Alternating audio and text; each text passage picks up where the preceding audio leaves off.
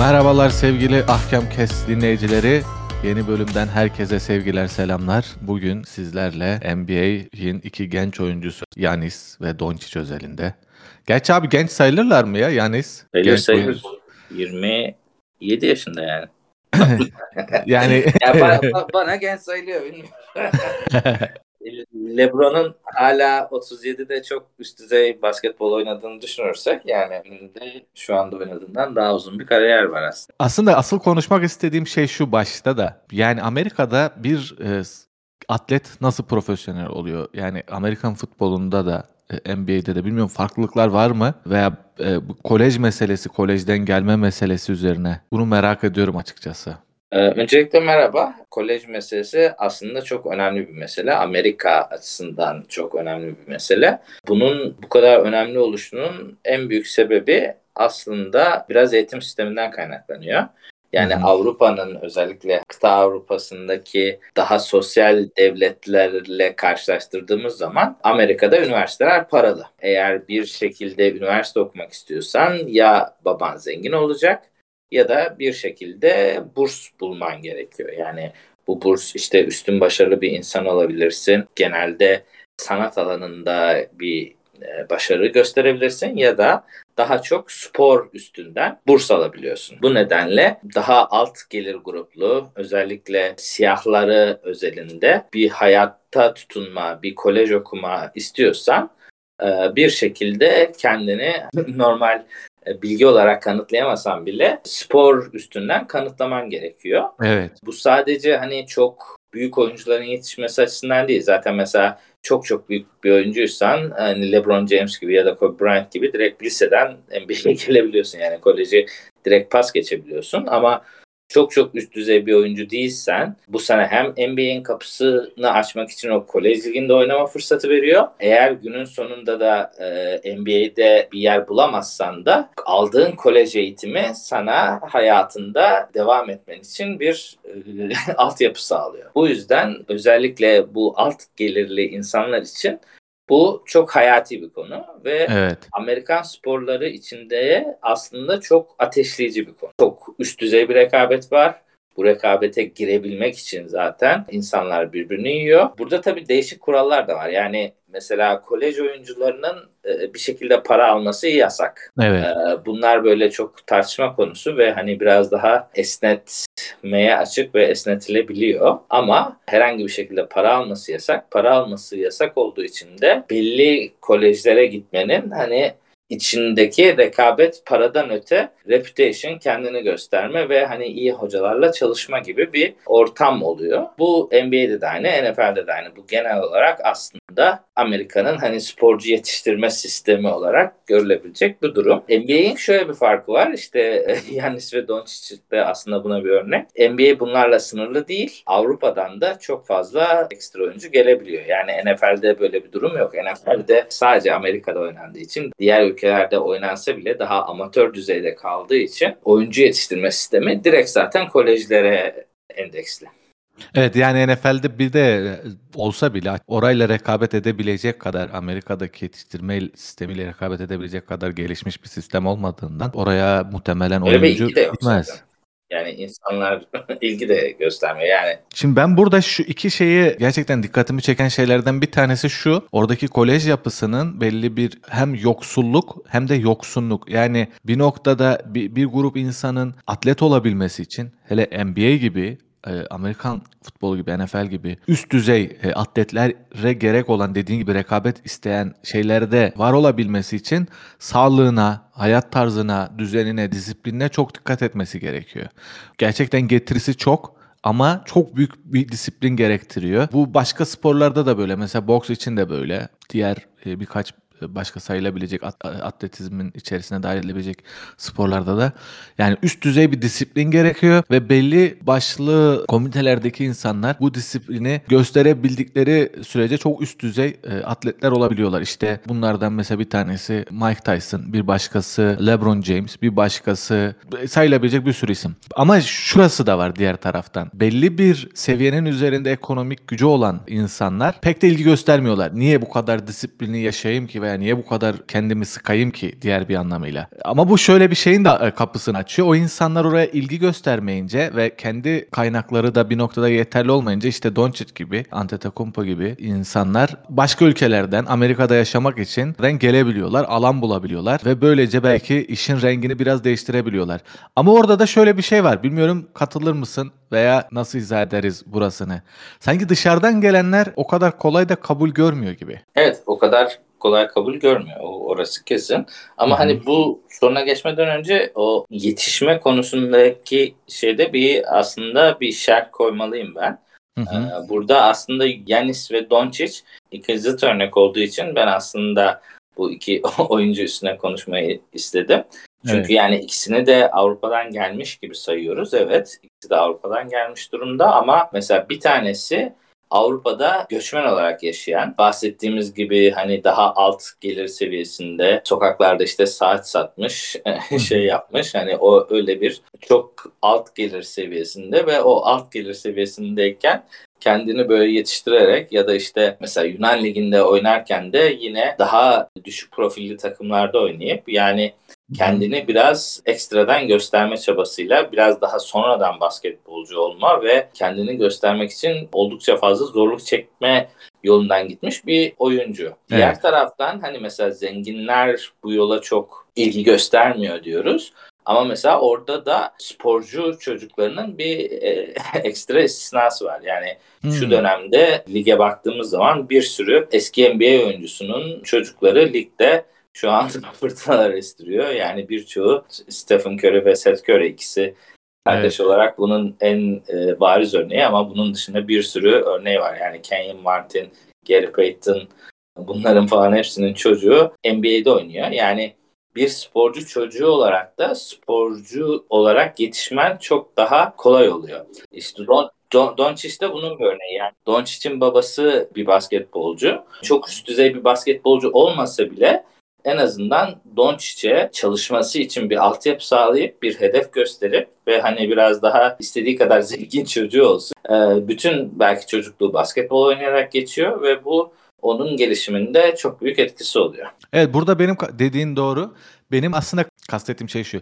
Yani o üst düzey disiplin ve mutlak disiplin. Çünkü bu seviyede atletler belli başlı sporlarda bu seviyede atlet olabilmek ve rekabet edebilmek için neredeyse makine olmak lazım. Hani daha önceki bir podcast'imizde konuşmuştuk ya makinelerle insanlar arasındaki ilişkiler gibi.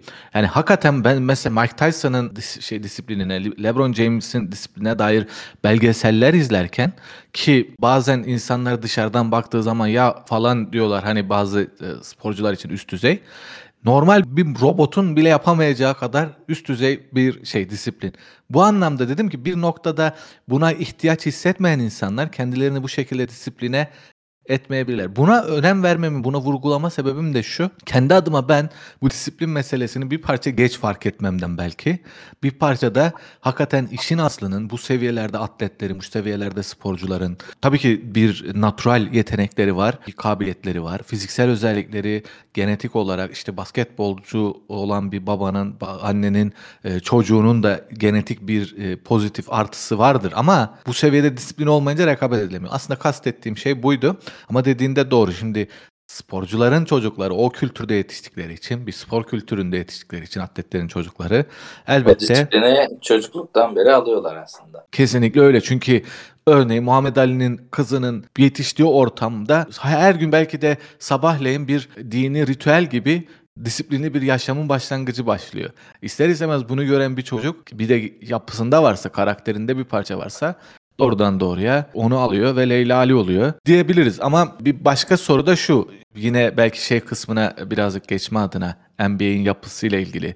Bu hem dışarıdan gelenlerin etkisi hem de Doncic ile Yanis'in NBA'in değişimine dair etkisi üzerine konuşacak olursak neler söylersin? O ilk baştaki soruna geri dönelim. Yani daha önceki NBA podcast'imizde biraz değinmiştik. Hani burada biraz aslında konuyu açmak istiyorum. Şu anda hani ligin gidişatı ve ligin geldiği noktada oyuncular eskiye nazaran çok daha söz sahibi. Yani Evet. oyuncuların yaptığı hareketler, oyun- oyuncuların e, verdiği kararlar, hangi takımda oynayacakları gibi önemli kararlar ligi domine ediyor ve hani bunun detaylarını çok konuşmuştuk. E, Hı hı. bunun baş sebebi salary cap ve hani bu nedenle oyuncuların genelde istediği oluyor. Ve bu nedenle de e, oyuncular aslında kendi aralarında böyle takımlar kurup belli takımlarda toplanıp ligi biraz bu şekilde domine etmeye başladılar. Yani işte Lakers ve Brooklyn örneğini de gene konuşmuştuk. Burada biraz öne çıkıyor. Yani Amerikalı oyuncular birbirleriyle bu network'ü daha iyi kurabiliyor. LeBron James olsun, Kyrie Irving olsun, işte James Harden olsun orada e, belli bir yere gittiği zaman yine hı. işte hem kolejden gelme bağlantılar hem daha eski takımlarda beraber oynamanın getirmiş olduğu bazı bağlantılar bu gibi nedenlerle bu oyuncular birbirleriyle daha yakın bir ilişki kurabiliyorlar. Bu durum Avrupalılar için biraz daha zor oluyor. Yanis ve Doncic özelinde ikisi de Avrupa'dan geldi. İkisi de açıkçası beklentilerin altında geldi. Mesela Antetokounmpo geldiği zaman 15. sıradan draft edilmiş ve o dönemleri ben hatırladığımda kim bu adam şeklinde bakılıyordu. Yani Hı hı. 15. sıradan Antetokounmpo'yu seçmenin bir kumar olduğu düşünülüyordu ve e, yani gerçekten de bir kumardı yani o, o gün Hı için. hı. Hem geldiği yer kendini kanıtlamış bir yer değildi. İlk başta bahsettiğimiz bir kolej geçmişi yoktu. Ee, Euroleague'de çok büyük başarıları yoktu. Buna rağmen 15. sıradan seçildi. Benzer şekilde mesela Doncic de yine 3. sıradan seçildi. Yani Evet. şu anki Doncic'in yani geldiği geldikten sonra yaptığı impact'e baktığımızda ve e, yaptıklarına baktığımızda e, mesela Doncic level'ında bir oyuncu mesela Amerika'dan gelseydi yıllar öncesinden adını duyardık. Gümbür gümbür geliyor olurdu. Mesela liseden beri onun gelişini bilirdik ve hani açık ara onu alan takım hani o sene birinci çıktığı için çok e, şanslı olurdu. Hatta mesela o gelecek diye ligi bırakan takımlar olurdu. Baştan seçelim Doncic'i diye. Hani Evet. 4-5 takım e, oynamayı bırakırdı ve hani açık ara birinci sıradan seçilirdi. Ama e, öyle olmadı. Yani Doncic Euroleague'de MVP seçildi çok genç yaşta.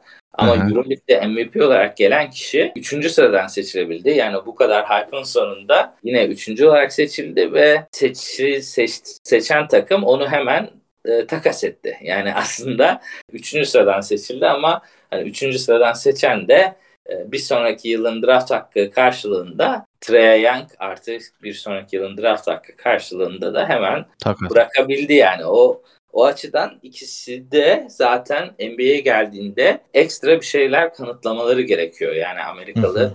oyunculara kıyasla. Bu nedenle hani Avrupalı bir oyuncunun çok daha fazla dezavantajı var. Evet burada mesela o takas bahsettiğin Trae Young takası artı bir de e, bir sonraki dönemin draft hakkı. Elbette ki bugünkü Doncic için kaybedilmiş bir şeymiş gibi, kaybedilmiş bir takasmış gibi geliyor ama tabii ki ben mesela Trae Young'ı da beğenen, onun da çok büyük hype olduğu da e, belli. Hala var. Yani hala çok fazla onun üzerine konuşuluyor. Hala he- çok büyük fanları var.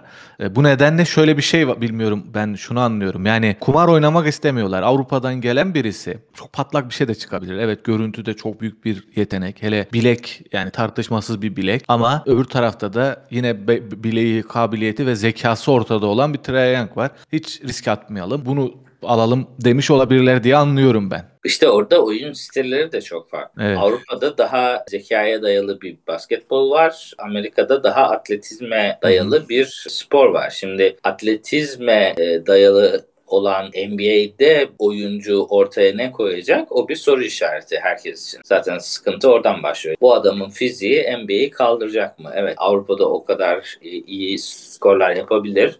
Avrupa'da yaptığını NBA'de yapsa başarılı da olabilir. Ama fiziği bunu yapmasını destekleyecek mi? Asıl kritik soru o ve Avrupalı oyuncular açısından da yani en büyük soru işareti genelde bu fizik muhabbeti. Bir de şu var az önce söylediğin e, şey kısmını biraz açmak istiyorum. Oyuncuların çok etkili hale gelme meselesini. Yani şu var mesela Kyrie Irving meselesindeki daha önce konuştuğumuz e, Kyrie Irving'i şu anda bir şekilde çok etkili ve çok spekülatif yapan şey kendi network'ünün, arkadaş ortamının, bir takım kurabilmesinin e, mümkün olması, böyle bir kabiliyette olması ve diğer taraftan Antetokounmpo'nun ve Doncic'in dezavantajı olarak da böyle süper takımlar kurabilecek bir e, arkadaşlık ortamının olması yönündeki şüpheler.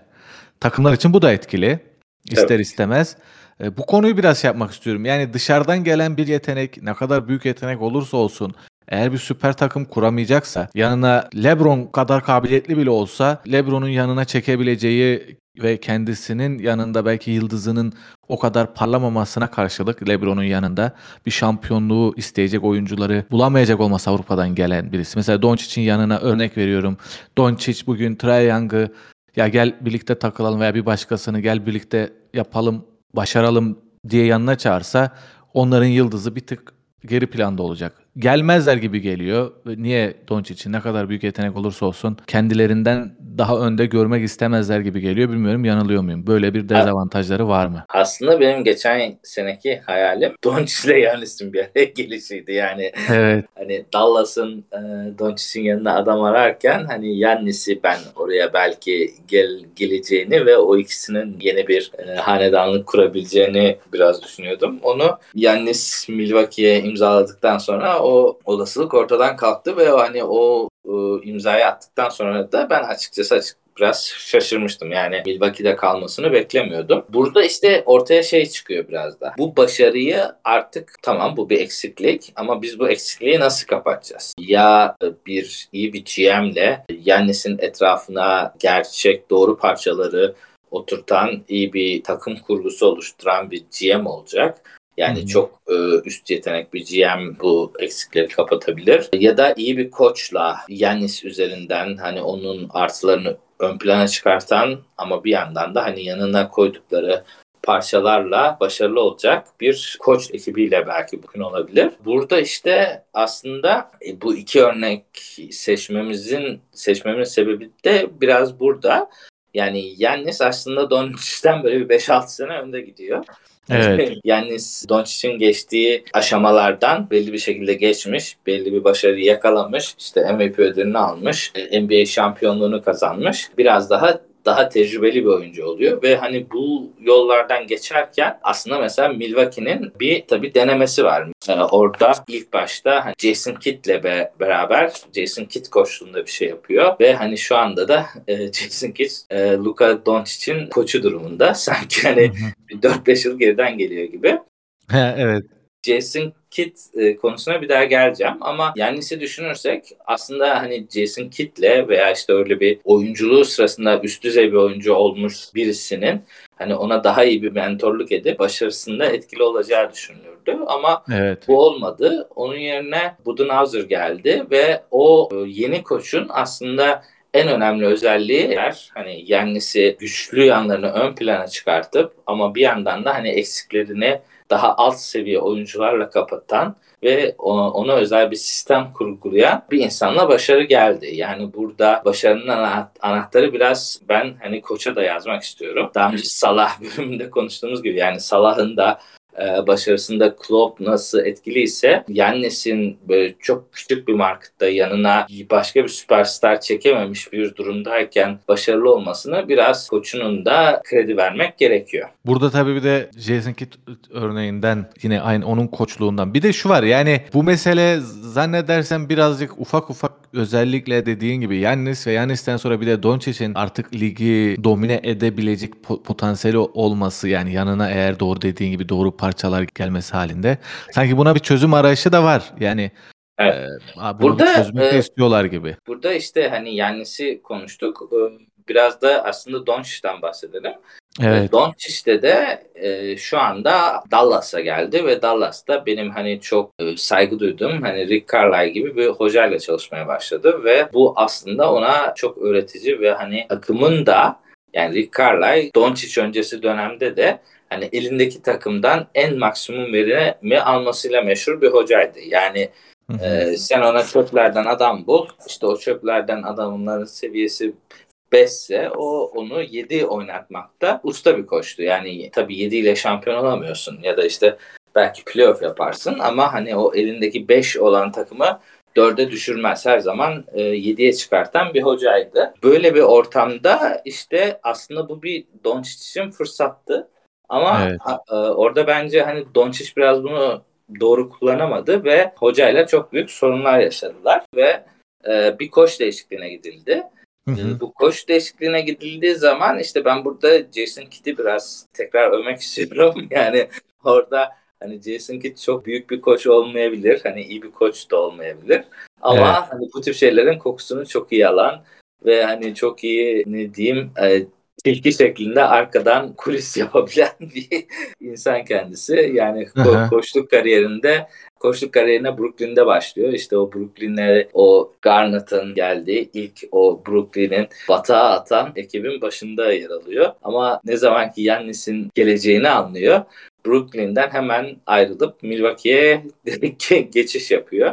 Ve hani orada Yannis'in gelişiminden fedakar sağlamaya çalışıyor. Oradan Aha. işte Lakers'a gidiyor asistan koç olarak. Daha sonra işte yine bu sefer Doncic'in bir hoca ihtiyacı olduğunda yine ortaya çıkıp bu işi alabiliyor. Yani burada tabii çok hani yüzeysel bir yorum bu.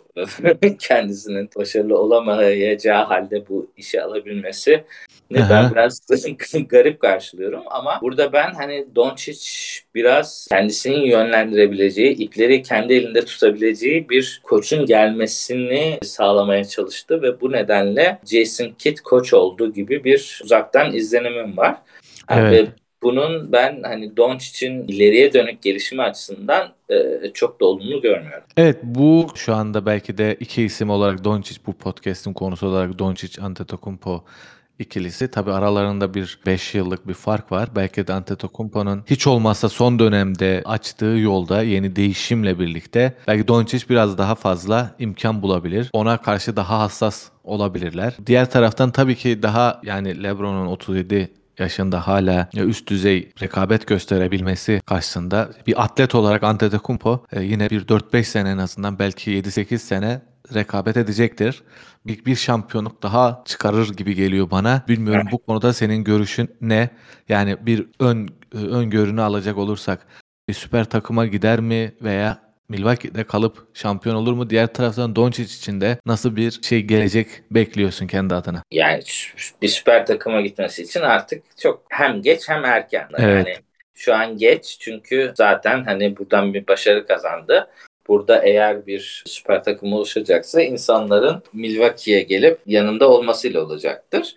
Bir yandan da erken muhtemelen kariyerinin sonlarına doğru yine o, o 32-33 yaşında yine bir süper takım arayışına girebilir yani bu ama buna da en az hani 5-6 sene var.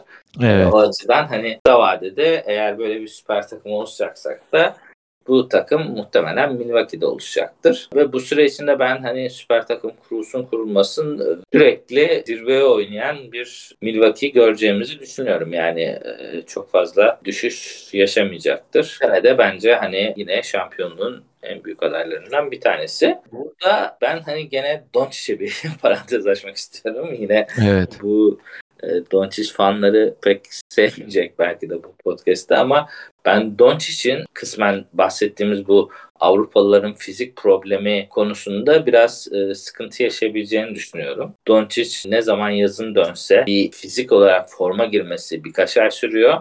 Yani Hı hı. şu anki NBA döne düzeninde bu çok önemli olmuyor. Çünkü hani normal sezonu biraz gazozuna gibi geçirildiği için normal Evet. sezonda formsuz geçirilen birkaç ayın insanların kariyerine bir önemi yok. Ama tabii Doncic şu anda 22 yaşında ve 22 yaşında olduğu için çabucak bunu toparlayabiliyor. Ama yaş ilerledikçe bu e, toparlamayı çok kolay yapamayacaktır. O yüzden aslında fiziğini koruyacak ve hani yazında, kışında ne zaman olursa olsun kendini fizikken hazır tutacak bir ka- kafa yapısına biraz daha yaşlanmadan bürünmesi gerekiyor. Doncic'i, Yannis'i konuştuk. E, Belki daha sonraki bölümlerde alternatif diğer yıldızları da mesela Trae Young'a vesaire de değinebiliriz. Onların ne tarz etkileri olabileceğine dair. Ama benim de gele yani ben Milwaukee'nin ya da en azından bilemiyorum Milwaukee şimdi öyle gözüküyor. Yannis'in bir şampiyonluğun daha olacağını düşünüyorum. Çünkü gerçekten çok üst seviye bir atlet olarak şey gösteriyor performans. Ama Doncic konusunda kendi adıma çok uzun yıllar